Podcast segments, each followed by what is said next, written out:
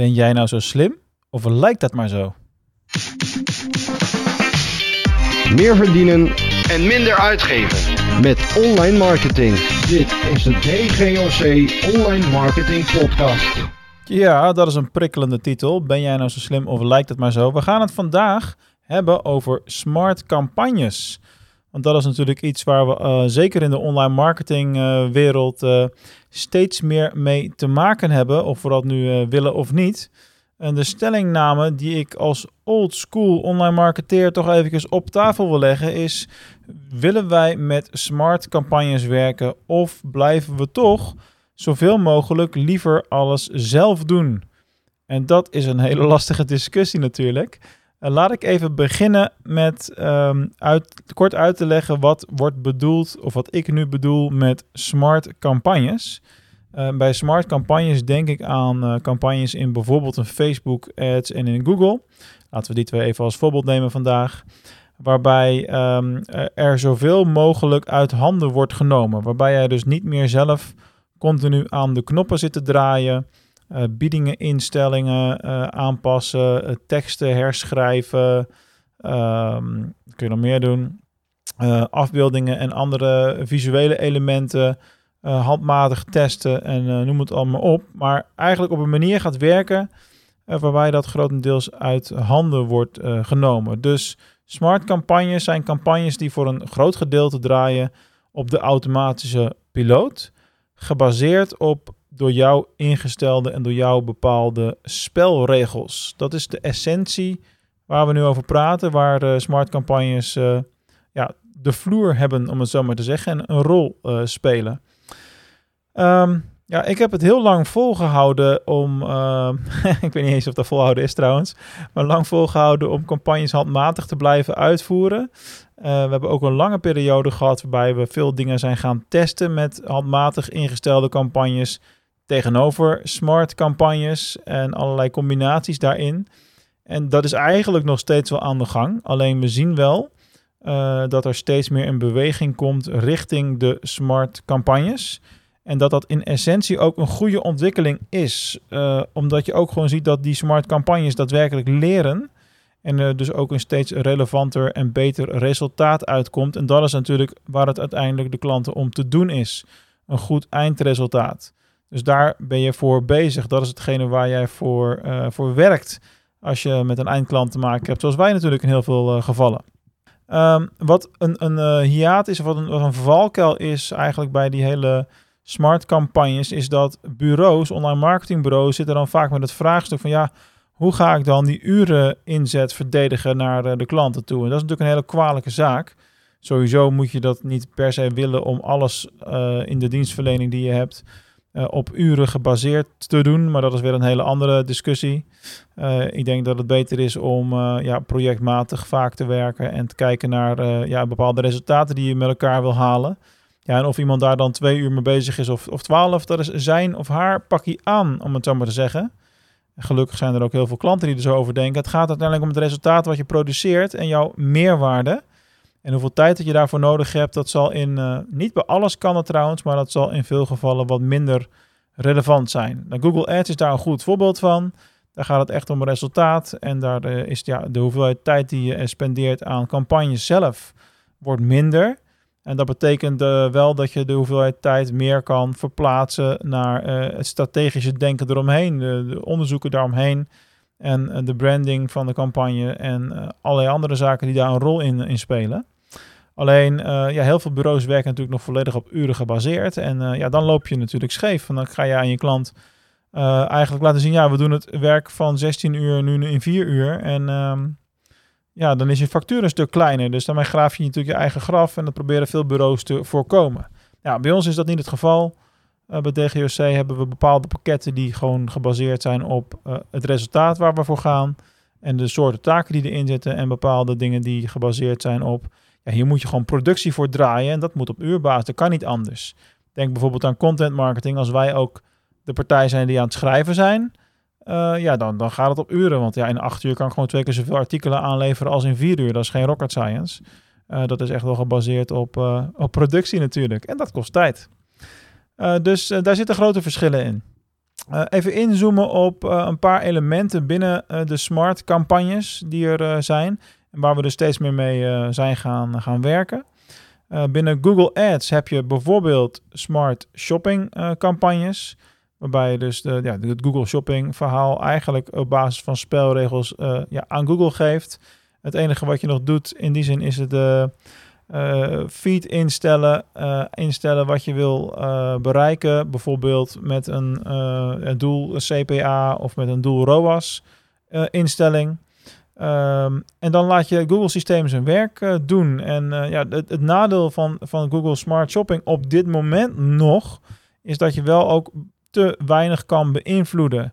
Ik vind automatisering heel erg goed. Alleen op het moment dat je zo weinig kan beïnvloeden dat je er eigenlijk ook hinder van hebt, uh, dan is het weer een ander, uh, ander verhaal natuurlijk. En in dit geval hebben we ja, toch ook wel met beperkingen te maken in de targeting en hoe goed je ja, bepaalde dingen kan splitsen per product of productgroep, waar de marges nou eenmaal verschillend zijn.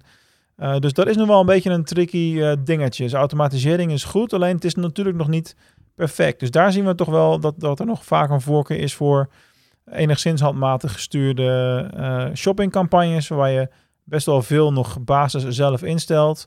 Uh, maar dan alsnog wel met een deels geautomatiseerde biedstrategie gaat werken, bijvoorbeeld. Uh, maar automatisering of smart campagnes of deels slimme campagnes, het vindt ook op ander niveau plaats. Denk bijvoorbeeld aan responsive ads binnen Google. Dat werkt ook wel heel erg interessant. Uh, waarbij je niet meer twee, drie of vier advertentieteksten schrijft, maar in essentie aangeeft: oké, um, dit zijn vijf verschillende titels, of acht of tien. Die zijn drie of vier verschillende omschrijvingen. Ga jij maar combineren. En dan zien we vanzelf wel welke combinatie het beste werkt om een goed eindresultaat te bereiken. Nou, en daar zit dus een deel van automatisering in. En daar uh, bespaar je tijd in tekstschrijven bijvoorbeeld.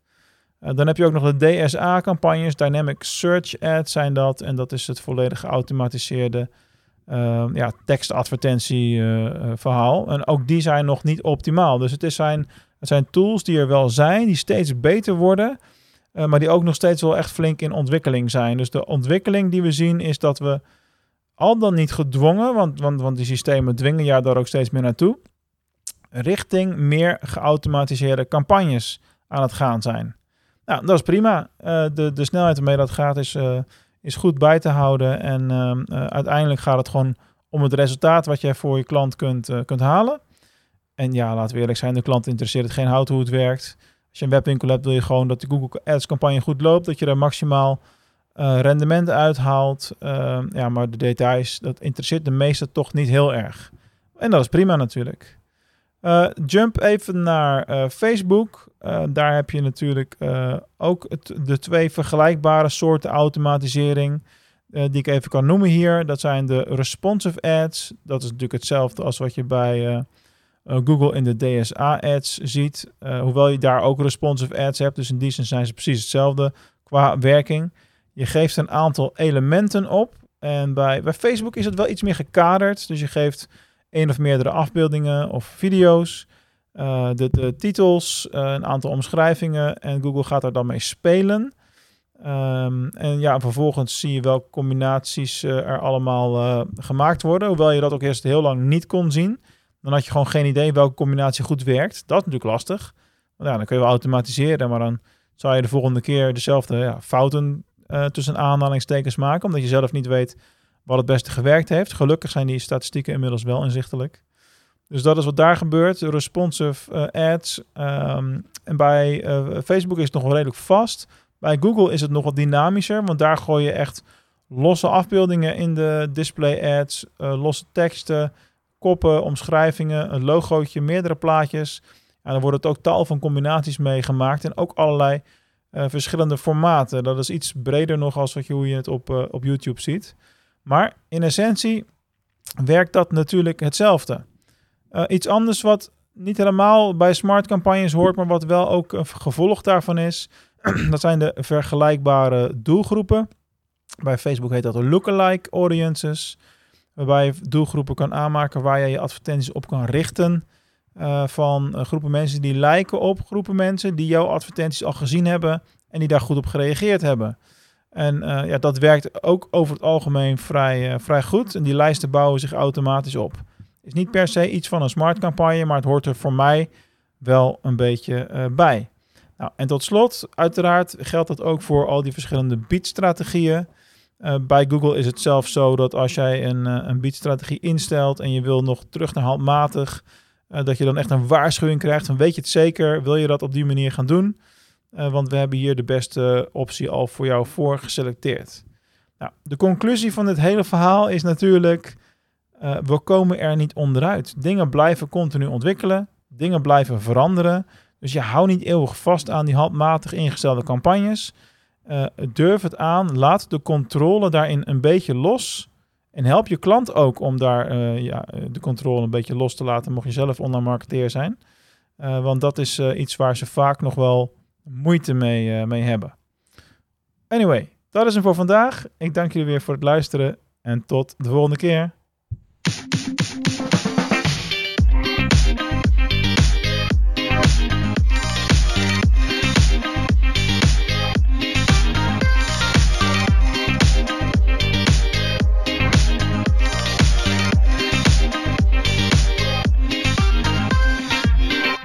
En als je het echt aandurft om de controle los te laten, plan dan even een strategiegesprek uh, in met mij. En dan uh, kan ik wellicht de campagnes helemaal voor jou van A tot Z gaan, uh, gaan regelen. Zeker de Google Ads campagnes, dat is natuurlijk een groot specialisme hier. kijk vooral ook even op dgoc.nl slash klantcases voor eerder werk van ons. En ja, mis het, mis het niet. haal het maximale resultaat ook voor jouw webwinkel.